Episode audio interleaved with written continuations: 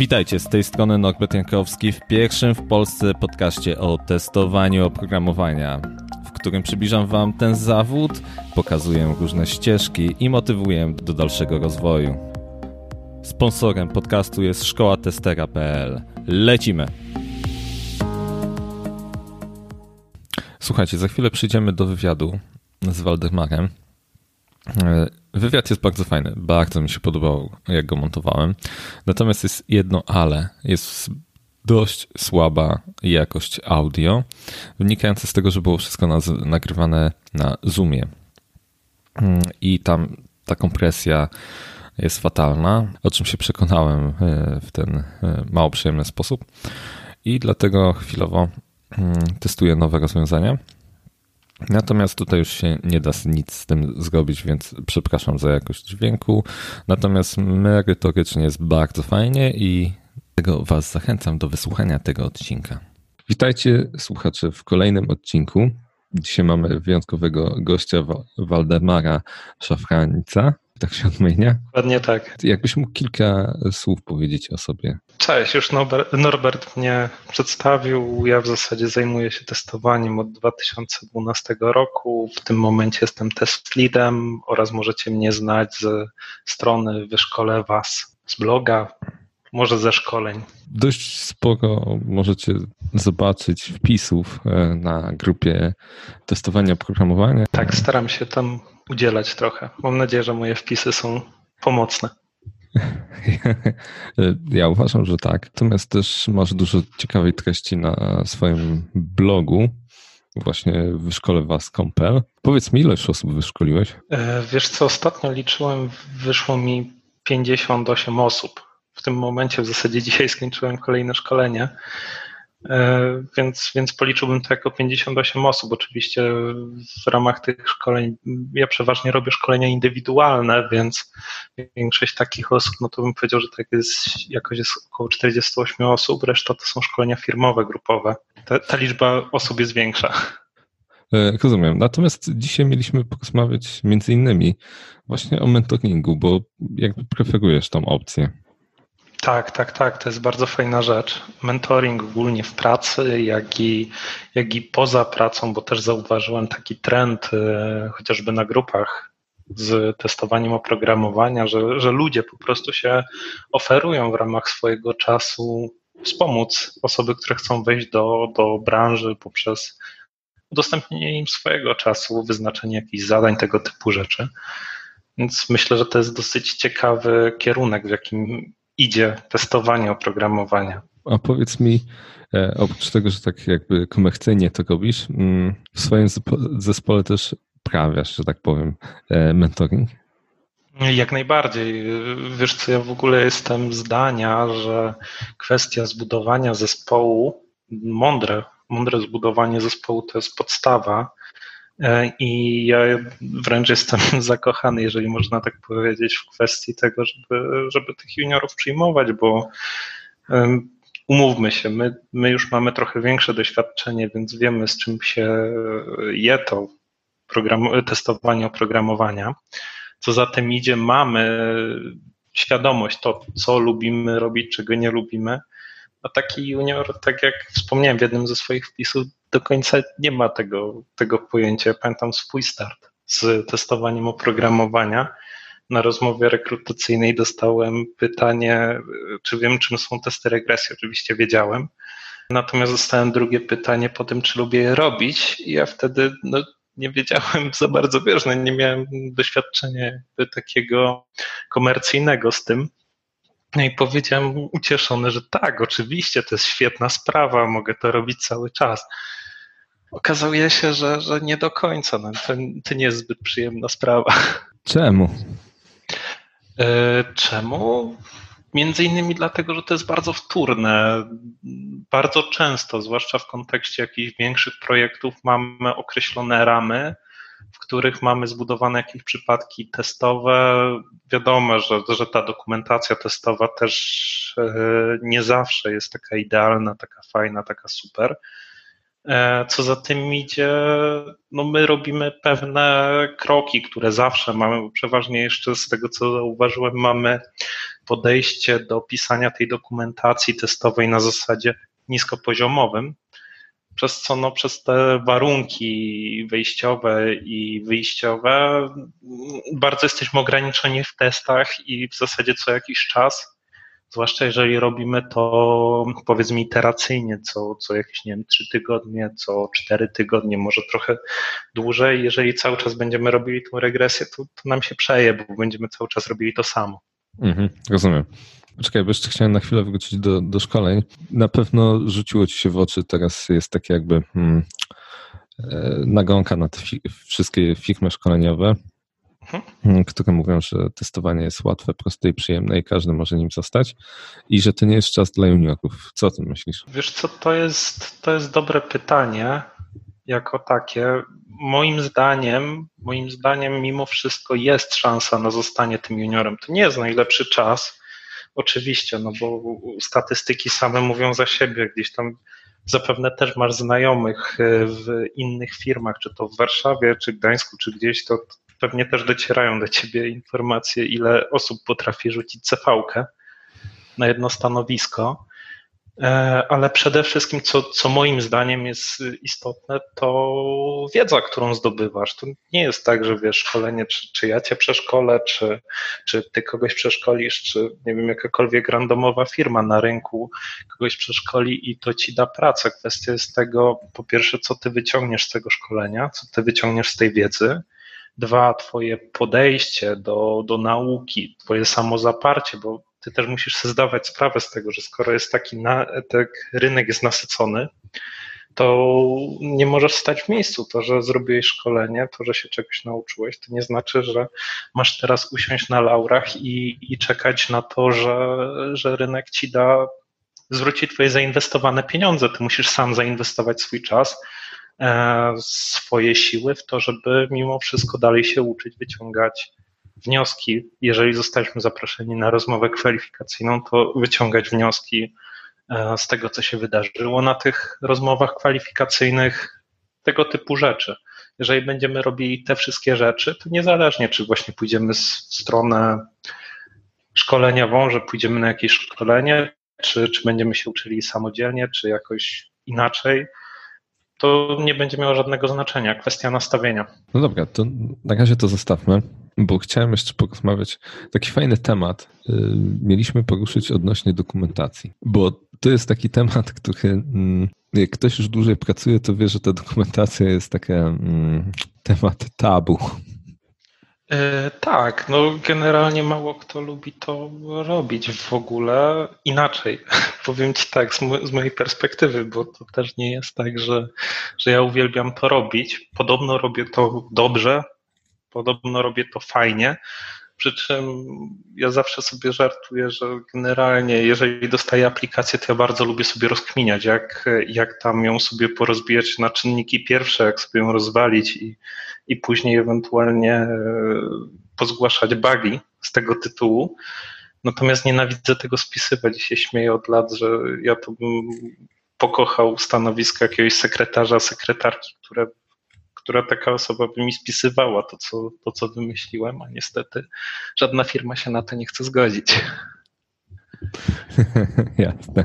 To jeżeli chodzi o taką stricte dokumentację, natomiast jak najbardziej za dokumentacją, mm, za przypadkami testowymi, to wiadomo, hmm? musi być.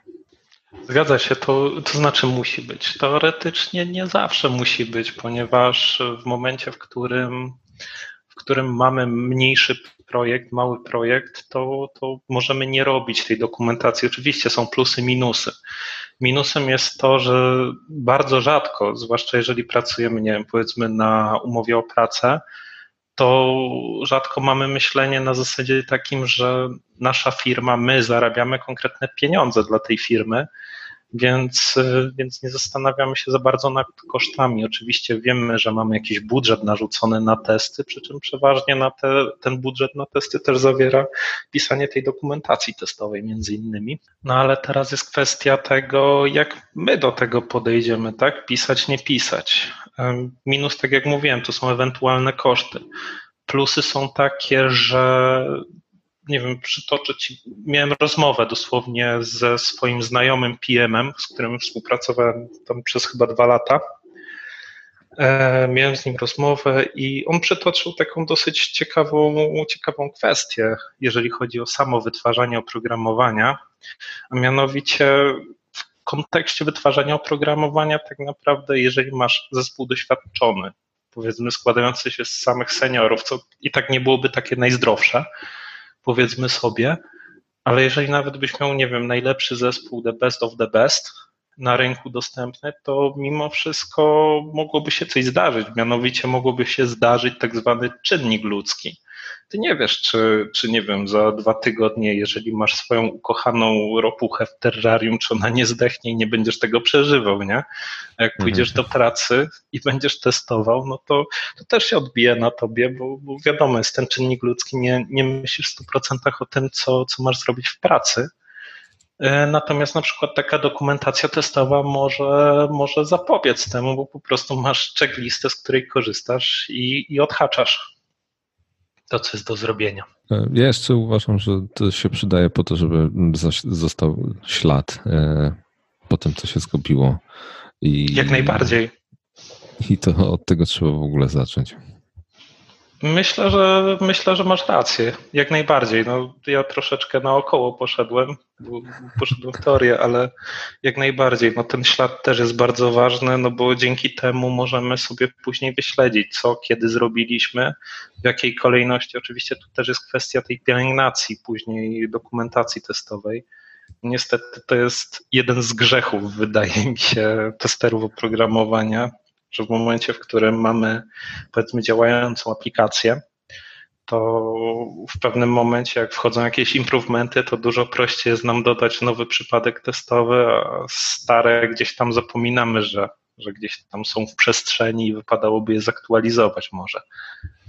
No, to jest, tu, tu się nakłada dużo zależności, ramy czasowe, budżet i tym podobne rzeczy. Natomiast tak, Prawda. tak, czasami gdzieś to, gdzieś tam jednak, jednak zawsze to, że nie ma czasu i budżetu wykrywa z tym, żeby to zrobić po Bożemu. Zgadza się. Powiedz mi, mm, jeżeli masz już jakąś osobę wyszkoloną albo po prostu się zgłasza do ciebie osoba, która już jest trochę na rynku, jest testerem, to jakbyś mu doradził odnośnie ścieżki kariery? Co powinna teraz iść, jeżeli chce się dalej rozwijać? Mm, wiesz co, to jest skomplikowane pytanie, ponieważ e, wiesz co, no ja przede wszystkim jestem zwolennikiem tezy, teorii, że ty tak naprawdę powinieneś robić to, co lubisz. Mhm. Jeżeli będziesz robił to, co lubisz, czytaj na przykład tak jak my teraz sobie rozmawiamy o testowaniu, jest fajnie, przyjemnie, no to dużo fajniej to życie wygląda, bo robimy to, co lubimy i, jest fajnie. Moim zdaniem, jeżeli przychodzi taka osoba do mnie, no to ja jej mówię, że przede wszystkim to musi poeksperymentować. Jeżeli jest totalnie, totalnie na zerowym poziomie, e, to ja raczej preferuję, preferuję, wiesz, propozycję, żeby zaczęła sobie od testera manualnego, bo moim zdaniem to jest taki core żebyś mhm. poznał w ogóle to, to, na czym polega to testowanie oprogramowania, na czym polega samo wytwarzanie oprogramowania. Później w drugiej kolejności, po tym pół roku, chociaż może nawet i wcześniej, no, zacząłbym się uczyć programowania, zacząłbym się uczyć w stronę automatyzacji, bo, bo to jest dosyć e, duży trend w tą stronę idzie, branża w tą stronę idzie. E, no i jeżeli by mi się to spodobało, to myślę, że w tą stronę bym szedł, ale też e, nie zaniedbywałbym innych ścieżek, bo na przykład bez problemu można, można iść w stronę zarządzania zespołem, jeżeli czujemy się dobrze wiesz, w koordynacji pracy, tego typu rzeczy. Bo jak wiemy, no, od tej ścieżki testera manualnego możemy iść w kilku kierunkach. W testy bezpieczeństwa, w testy właśnie w automatyzację testów. To, to bardziej właśnie takie w kontekście programowania. E, można też pozostać tym testerem manualnym. Mimo wszystko dalej są oferty na rynku i, i nie znikają.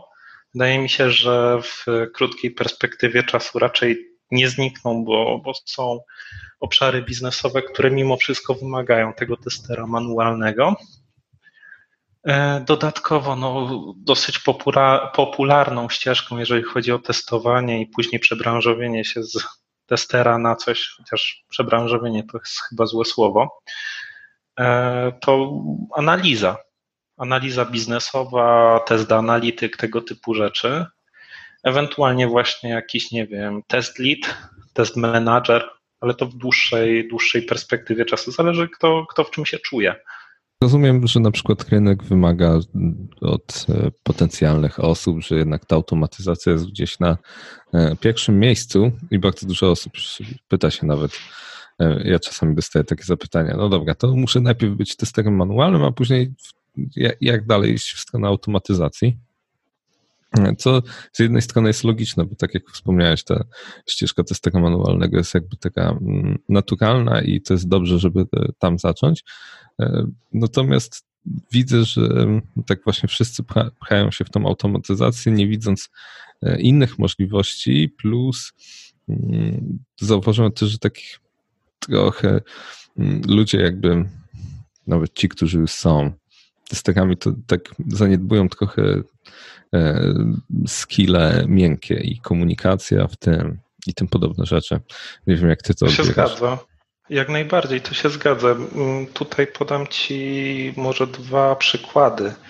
Pierwszy przykład strasznie mi się podoba i pojawia się na tych grupach z testowaniem. To jest e, kwestia tego, jak ktoś przychodzi i zadaje pytanie: Mam rozmowę kwalifikacyjną w firmie X jak myślicie, o co, o co mogą mnie zapytać? I, I tutaj jednym z najbardziej znienawidzonych y, pytań jest pytanie pod tytułem y, Gdzie się widzisz za 5 lat? Standardowe. Ja, wiesz co, ale ja ci powiem, że ja na przykład lubię to pytanie. Tak samo lubię pytanie pod tytułem weź przetestuj mi, nie wiem, parasolkę, krzesło, podstaw sobie parasolkę z nazwa zmiennej, cokolwiek sobie podstaw bo to jest pytanie tak zwane triggerujące. E, ja mam na celu tutaj dwie rzeczy. No generalnie chcę sprawdzić, czy, czy się wkurzysz, bo ja sam z własnego doświadczenia wiem, że, że praca testera no nie jest kolorowa, nie jest e, zawsze cudowna, fajna i wspaniała, a czasami po prostu dostaniemy projekt, przy którym mamy ochotę głową uderzyć w ścianę. I, I ja też potrzebuję osoby, która potencjalnie się nie obrazi, że ona jest y, nie wiadomo jakim testem, jest nie wiadomo kim, tylko po prostu usiądzie i na przykład zrobi AB testy aplikacji, których ja osobiście nienawidzę. E, natomiast jeżeli chodzi o to pytanie, gdzie widzisz się za 5 lat, to gdzieś na początku też go nienawidziłem. Natomiast później zawsze, jak tam zaczynałem się gdzieś przygotowywać, bo wiedziałem, że będę zmieniał coś. I tak to, to jest standardowe pytanie, więc zawsze sobie, no jak masz standardowe pytania, to przygotowujesz je sobie. I później tak sobie pomyślałem, że to jest bardzo fajne jednak pytanie, nawet tak sobie zadać e, od czasu do czasu, nawet nie myśląc o zmianie kariery. Hmm. Gdzie się widzę za 5 lat? To się zgadza. To jest, e, to jest fajne pytanie, tylko wydaje mi się, że w kontekście 5 lat to tak średnio. Jeżeli już, to bardziej bym sobie celował, e, w sensie budowałbym sobie cele na 2-3 lata. To jest bardziej realne dla, dla takiego typowego Kowalskiego, wydaje mi się. Nie, no jasne, ale tak dla siebie mieć taki długofalowy to już jest. A to jak najbardziej. To już jest naprawdę coś. Także wcale te pytania takie nie są głupie, jakby nam się mogło wydawać. Zgadza się. Pod, podejście się też liczy do nich. E, no, ja lubię odpowiedzi, które łamią schemat. Czyli mm, ktoś przyjdzie z jakąś naprawdę kreatywną odpowiedzią, która no, no, tak zatka cię, że tak powiem. Nie, to ja ci powiem, że pod tym względem to ja uwielbiam te swoje szkolenia bo często właśnie zdarzało mi się trafiać na ludzi takich, że po prostu wiesz, oczy ci wychodzą z orbit. Przykładowo miałem takie szkolenie, że początkowo spisywałem na stratę, no bo tam na początku tą teorię mówię, cały czas mi e, facet potakuje. No i sobie myślę, oho, no to mam szkolenie takie, wiesz, typowe, że ci nawijam, ty tylko mówisz tak, tak, tak, tak. Czyli nic z tego nie będzie. Ktoś, ktoś tutaj powiedział, bo to są przy, przeważnie przykłady takie w rodzinie, czy ktoś tam, nie wiem, znajomy mówił, testowanie jest fajne, przyjdź, dużo pieniążków z tego jest, tego typu rzeczy. Natomiast na drugi dzień przychodzę na szkolenie, wiesz, zaczynamy praktykę, a tu facet zada, zaczyna mi zadawać takie pytania, jakie nikt do tej pory mi nie zadał. Bo on po prostu potrzebował sobie, nie wiem, tam jeden dzień właśnie, żeby przeprocesować wszystko w głowie, co mu powiedziałem. I nagle, wiesz, szok. Zupełnie inne spojrzenie. Kosmos. Hmm. Nieźle. A pamiętasz coś dokładnie, co to było? Jezus Maria, to jest, to jest ciężkie. Y, ciężkie, ciężkie do przypomnienia w tym momencie. E, bo tu wiesz, szkolenie sprzed ponad roku. Aha, okay. Trudny temat. A powiedz mi, hmm, jakbyś miał powiedzieć juniorowi, e, bo to jest kolejne często podające pytanie na temat ISTQB, e, tego poziomu podstawowego. Czy robić, czy nie? He. Jak ja lubię to pytanie. Wiesz co, to jest złożone bardzo. To jest bardzo złożone, bo tak naprawdę, mm, tak naprawdę moim zdaniem powinniśmy zacząć od tego, że nie powinniśmy e, w ogóle. Inaczej, to pytanie powinniśmy zadać rekruterowi. Jeżeli rekrutujesz do swojej firmy, to ty zadaj sobie pytanie, czy to jest tak, jest u ciebie potrzebne. E, przykładowo, no ja do tej pory pracowałem w kilku firmach i zdarzało mi się tak, że, że wiesz, no dla jaj nawet stwierdziłem, dobra, no to pojedziemy z tym ISTQB, zrobimy sobie dzień ISTQB. No i wiesz, zacząłem, zacząłem lecieć tam z terminami z ISTQB, a programiści wpadali dosłownie w bekę, zaczynali się śmiać i, i, i totalnie nie rozumieli tego, co, co, co ja do nich mówię. E, z drugiej strony wiem, że są firmy na rynku, które, które korzystają z tego, które w pełni, w pełni zwłaszcza z sylabusa korzystają i, i to jest oficjalny język obowiązujący w firmie. Co moim zdaniem to nie jest kwestia polecenia tego juniorowi, bo z tego co wiem, to raczej do tamtej firmy nie rekrutują juniorów. W ogóle, w ogóle nie biorą pod uwagę juniorów. A wiesz, no, patrzymy na to, co, co jest w naszym zasięgu. Pokrętnie odpowiedziałem. Tak. Mm, dobra, to tak e, krótko, zwięźlej na temat. To jeżeli chodzi o juniora, to ja bym nie polecał ISTQB na początku. Jeżeli już, to ISTQB polecałbym dopiero jak się tam właśnie przepracuje, chociaż 2-3 miesiące w pracy. Wtedy bym polecił, żeby sobie po prostu zobaczyć, na czym to polega. To nawet nie chodzi o to, że masz się czegoś nie wiadomo czego nauczyć, bo ja pamiętam, że ja tak podchodziłem do tego ISTQB podstawowego poziomu i się bardzo rozczarowałem. Natomiast bardziej na zasadzie takiej, żebyś sobie zobaczył, że faktycznie to, to wygląda w ten sposób, ewentualnie wiesz, no zawsze jakaś to jest wiedza nabyta. Zawsze się czegoś możemy dowiedzieć. Mm, a powiedz mi, e, w takim razie drugie najczęściej padające pytanie to jest, gdzie zdobyć praktykę? Mm, gdzie zdobyć praktykę? E, to jest dosyć fajne pytanie i w sumie może, mogę Ci łatwo na nie odpowiedzieć. Praktykę przede wszystkim możesz sobie zdobyć poprzez e, te platformy crowdfundingowe, natomiast problem jest taki, że nasycenie tych platform jest bardzo duże to jest, to jest duży problem, jeżeli chodzi o to. E, co jeszcze mogę polecić? Na pewno, na pewno nie polecałbym e, bieganie po stronach randomowo. Nie wiem, mamy jakąś tam ulubioną stronę, wchodzimy na nią i lecimy z testami, bo od czasu do czasu, jeżeli zwłaszcza to jest, nie wiem, strona internetowa jakiejś totalnie randomowej osoby, może się okazać, że ta osoba nie ma pojęcia o zabezpieczeniu swojej strony i możemy komuś po prostu zrobić krzywdę, a w dalszej kolejności ta osoba może wyciągnąć konsekwencje od nas w związku z tym, że zrobiliśmy kuku. Więc ja na przykład e, w tym kontekście bym polecał to, co stworzył chyba Piotrek Wicherski. E, to znaczy on stworzył jakieś trzy miesiące temu chyba listę stron, które udostępnili ludzie z zastrzeżeniem, żeby tam nie robić pewnego rodzaju testów. Już nie pamiętam jakich. I w sumie to bym polecał. Co jeszcze mogę polecić?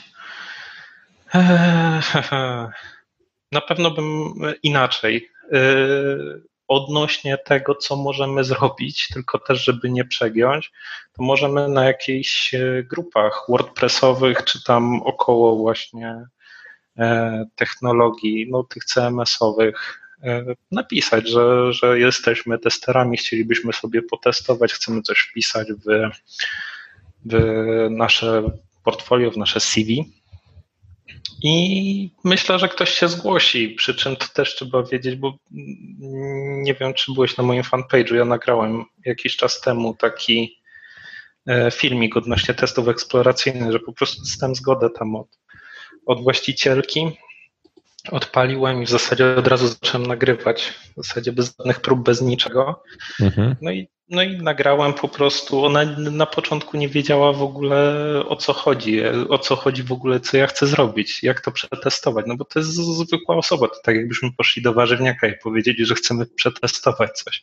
Tam pani też nas za bardzo nie zrozumie. Więc e, kwestia jest tego, żeby zdefiniować, co my chcemy zrobić, żeby osoba po drugiej stronie wiedziała. Taki właściciel strony i myślę, że bez problemu dostaniemy zgodę od właściciela strony, który, nie wiem, postawił sobie na WordPressie coś, że możemy potestować, tylko mamy nie robić pewnych rzeczy. I, i to będzie między innymi nasza praktyka, którą możemy wpisać do CV. Okej, okay, super. A powiedz mi, mm, e, czy zatrudniłbyś juniora do swojego zespołu? Mm, oczywiście. E, ale stop. Zależy kiedy. Okej, okay, rozwin, myśl. E, to znaczy, ja jestem zwolennikiem mądrego zatrudniania e, i strasznie, nie wiem czemu, ale strasznie mnie denerwuje motyw pod tytułem, jak ci menadżer w twojej pracy wysyła na LinkedInie i tak dalej, szeruje dalej artykuły pod tytułem Nie róbmy paradoksu matki, czyli że nie wiem, mamy projekt dziecko do urodzenia kobieta 9 miesięcy potrzebuje, no to zatrudnijmy pozostałe 8, to w miesiąc to zrobią. Mhm. Ja uwielbiam, jak to szerują, po czym wiesz, masz to samo w zasadzie u siebie w pracy. Miałem kilkukrotnie taką sytuację i ja nienawidzę, wiesz, nienawidzę sytuacji, że nieważne, czy ci seniora przydzielą, czy, czy mida, czy tam juniora, kogokolwiek w ostatnim momencie, bo przecież nadgodziny, no to nie robimy nadgodzin, a zróbmy tak, że ci dobierzemy osoby, będzie fajnie. Zatrudnianie powinno być mądre. Jeżeli mamy wiedzę, że na przykład będziemy mieli duży projekt, że, że klient ma duże oczekiwania, jeżeli chodzi o rozwój aplikacji, to moim zdaniem w takim momencie powinniśmy rozważyć zatrudnienie i w tym momencie musimy zdefiniować, co potrzebujemy. To znaczy, jeżeli wiem, że nie wiem, aplikacja inaczej, że na przykład klient nie chce testów automatycznych. Z tym się już też spotkałem, więc no, nie ma sensu szukać testera automatyzującego, no bo przeważnie stawki testerów automatyzujących są duże. Po co sobie palić budżet na to? Skoro i tak będzie klikał, czyli ten tester automatyzujący też będzie nieszczęśliwy, bo nie będzie robił tego, co lubi. E, w dalszej kolejności no to rozważam, jakiego typu są to zmiany, co to są za zmiany, w jakim etapie jesteśmy, bo że jesteśmy na naprawdę wczesnym etapie, to bez problemu możemy juniora takiego przygarnąć i przy mądrym, mądrym zarządzaniu zespołem, mądrym zarządzaniu naszym czasem i czasem tego juniora, no to nie odczujemy, czy to jest junior, czy to jest mid w krótkiej perspektywie czasu, o ile oczywiście dobrze zarekrutujemy. Jak źle zarekrutujemy, no to sami sobie jesteśmy winni. E, a ja jedyne, co mogę zrobić, to znaczy ja mam taki sposób na wdrażanie ludzi w aplikacjach. Nie wiem, nie wiem na ile on jest dobry, bo w zasadzie weryfikowałem go tylko sam jeden do tej pory. E, ja robię na zasadzie takiej, że wiesz, no, przychodzi mi osoba nowa do projektu, mam jakieś zadanie, które mam do zrobienia na dzisiaj. No i w zasadzie w pierwszy dzień przydzielam to samo zadanie, to znaczy pierwszy dzień. Pierwszy dzień staram się zaaranżować jakieś spotkanie, żeby ktokolwiek wytłumaczył, jak ta aplikacja działa. Przeważnie to jestem ja, no bo programiści są raczej zarobieni. No ale w drugi dzień powiedzmy, że właśnie siadamy, że mam jakieś zadanie, powiedzmy X i sobie je testuję. W międzyczasie ten tester dostaje też zadanie X, po czym na koniec dnia siadamy sobie i porównujemy to, co przetestowaliśmy, jak to wyglądało, rozmawiamy o tym i idziemy dalej. Wiadomo, no czas stracony, no bo mimo wszystko zrobiliśmy to samo. Dodatkowo jeszcze straciłem czas na to, żeby przekazać wiedzę, no ale tak jak mówię, to nie jest ani moja wina, ani wina tego testera, tylko menadżer w drugim dniu, czy tam już trzecim, w zależności od tego, jak sobie poradził w tym pierwszym dniu, kombinujemy już na zakładkę, to znaczy biorę zadanie X, przydzielam zadanie Y takiemu testerowi.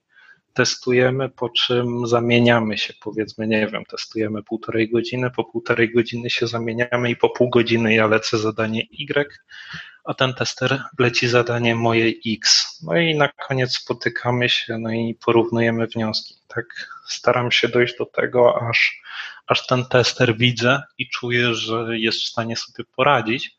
A w międzyczasie oczywiście ja przynajmniej staram się w tych projektach, w których jestem, żeby mieć dobrą dokumentację testową, więc na tym też się można bardzo dobrze opierać. No dobra, to jest też dość ciekawe rozwiązanie w takich sytuacjach. Mm, I znowu chciałem zmienić temat. Tak trochę skaczemy, ale jakoś tak, jakoś tak wyszło. E, w każdym razie widzę, że na Twojej stronie pojawił się, zresztą jest chyba od jakiegoś czasu, darmowy e-book dla osób, które chciałyby wejść, bo to jest dla osób, dla osób początkujących, nie? Jakbyś mógł coś e, tak. powiedzieć. Tak, e, no generalnie stworzyłem e-booka. W zasadzie długo, długo się biłem z myślami, czy go wypuścić, czy go nie wypuścić, bo ja niestety mam też tendencję do tego, że wymagam dużo od siebie zarówno, jak i od osób, z którymi pracuję. Więc e, określenie tego, że, że coś jest dobre, bardzo dobre, czy, czy jest ok, no to, to już naprawdę jest dużo. A tutaj zawsze cały czas miałem odczucie, że to jest za mało, źle i tak dalej. Znaczy nie, że źle, że, że wiedza zła, tylko że po prostu za mało i cały czas czułem niedosyt. Przy czym złapałem się na, na tym, że w pewnym momencie, jak sobie podliczyłem, co ja jeszcze tam chcę wrzucić, to mi wyszło, że napisałbym z 200 stron i stwierdziłem, że to chyba nie ma sensu w ten sposób, zwłaszcza, że, że pierwszą moją myślą było taka, że ta, moja pierwsza myśl była taka, żeby sprawdzić, czy w ogóle to przypadnie do gustu ludziom, czy to pomoże. Wcześniej czasami podsyłałem i, i teoretycznie na podstawie tego e-booka, ten e-book też pomagał w znalezieniu pracy, więc, więc postanowiłem się podzielić z większą ilością ludzi i mam nadzieję, że się spodoba, że pomoże. Przede wszystkim, bo taki jest cel tego e-booka. E, ja jeszcze go nie przeglądałem, ale już, już jakby zapisałem, żeby go dostać. Więc zobaczę sobie po, po tam, no, może nie dzisiaj, ale na dniach. Hmm. Natomiast e, jeszcze mi się przypomniało, że dla osób, które chcą trochę hmm, poćwiczyć testowanie, to w Krakowie e, bodajże jest składka, bo ty jesteś z Krakowa. E, tak. I, I składka jest o tyle ciekawa, że to jest spotkanie, podczas którego o, jest jeden motyw przewodni, jakaś strona jedna. No i tam wszyscy, którzy przyszli właśnie na takie spotkanie, to testują tą stronę. Później y, zgłoszenia są weryfikowane i ewentualnie wysyłane do administratora danej strony. Bardzo fajna inicjatywa. Nawet ostatnio widziałem, że chyba kolejna edycja była niedawno. Szczerze zagubiła mi się, bo jestem przez, przez to prowadzenie szkoleń bloga i mm -hmm. pracowanie zagubiony w czasie. Spoko. E, to w każdym razie dla osób z e, Krakowa, w Warszawie, nie wiem, nie, nie słyszałem o czymś takim. No dobra, na to chwilę nie mam więcej pytań. E, chyba, że ty byś chciał powiedzieć jakiś ciekawy przypadek. Jakiś ciekawy przypadek, ale na temat. Albo, nie wiem, osoby, z którą miałeś szkolenie, albo coś z projektów, które robiłeś. E, w sumie, w sumie mogę podać taki przykład. Strasznie, strasznie lubię to opowiadać jako anegdotę i to też pokazuje jakby jedną bardzo istotną rzecz. jeżeli chodzi o to, o czym wcześniej rozmawialiśmy, że te skille miękkie są bardzo ważne w naszej, mhm. w naszej branży. E, mi się strasznie podobało, jak jakoś na początku swoich szkoleń trafił do mnie, trafił do mnie człowiek, który, który w ogóle był strasznie wesoły. Zadzwonił do mnie, pogadaliśmy chwilę, powiedział, że jest marketingowcem, że w sumie to uznudziło mu się, bo chciałby, chciałby coś zmienić w swoim życiu, że doszedł do pewnego rodzaju ściany, że za bardzo nie ma jak na nią, nad nią przeskoczyć.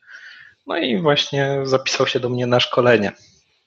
Człowiek przyszedł do mnie na szkolenie, okazał, okazał się tak pozytywny i tak wygadany, że, że naprawdę głowa mała. Jeżeli chodzi, wiesz, miałem wcześniej x osób, które technicznie były level wyżej, bo nie wiem, były po szkole informatycznej, kumały, wiesz, dużo więcej rzeczy niż on. Natomiast on sobie usiadł, y, ja, ja, mu tam tłumaczyłem teorię, później robiliśmy tą praktykę, cały czas uśmiechnięty dogadywał, zagadywał. Sobie pomyślałem, że w sumie fajnie, nie? po czym, nie wiem, dosłownie tydzień później poszedł na rozmowę kwalifikacyjną ja mu tam podpowiedziałem trochę rzeczy, bo, bo też staram się podpowiadać, co ewentualnie na takiej rozmowie może się zdarzyć, z czego się można przygotować i tak dalej.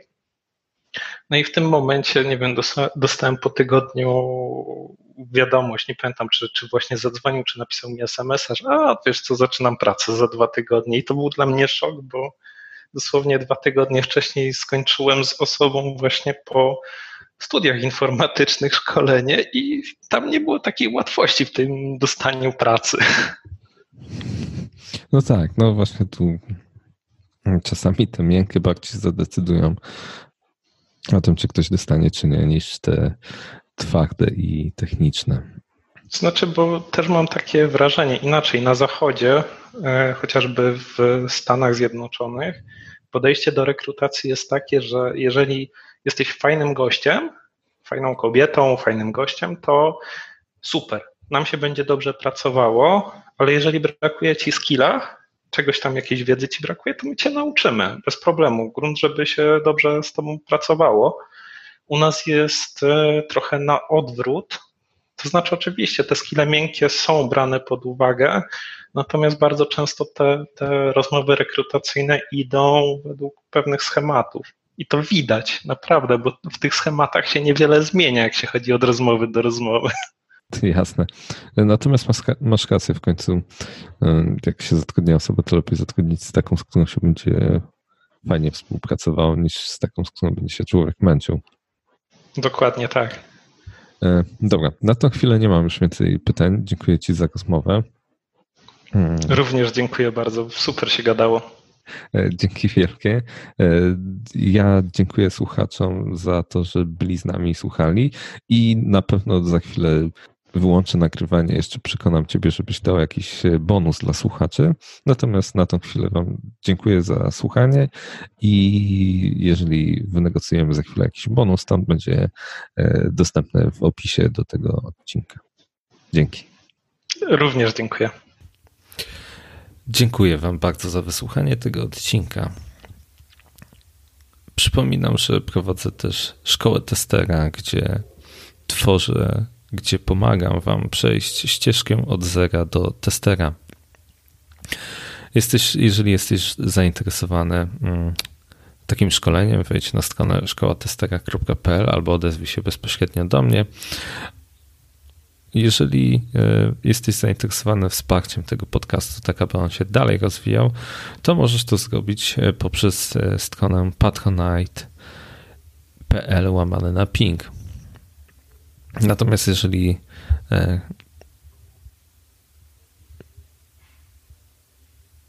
Natomiast jeżeli chciałbyś kupić fajną Natomiast jeżeli chciałbyś kupić fajną koszulkę, to za, zapraszam do sklepu Fuckit com.pl, gdzie y, możesz zobaczyć moje wzory t-shirtów. Wszystkie linki masz w opisie do tego y, odcinka. Dziękuję Ci za uwagę jeszcze raz i zapraszam do kolejnych odcinków. Dzięki.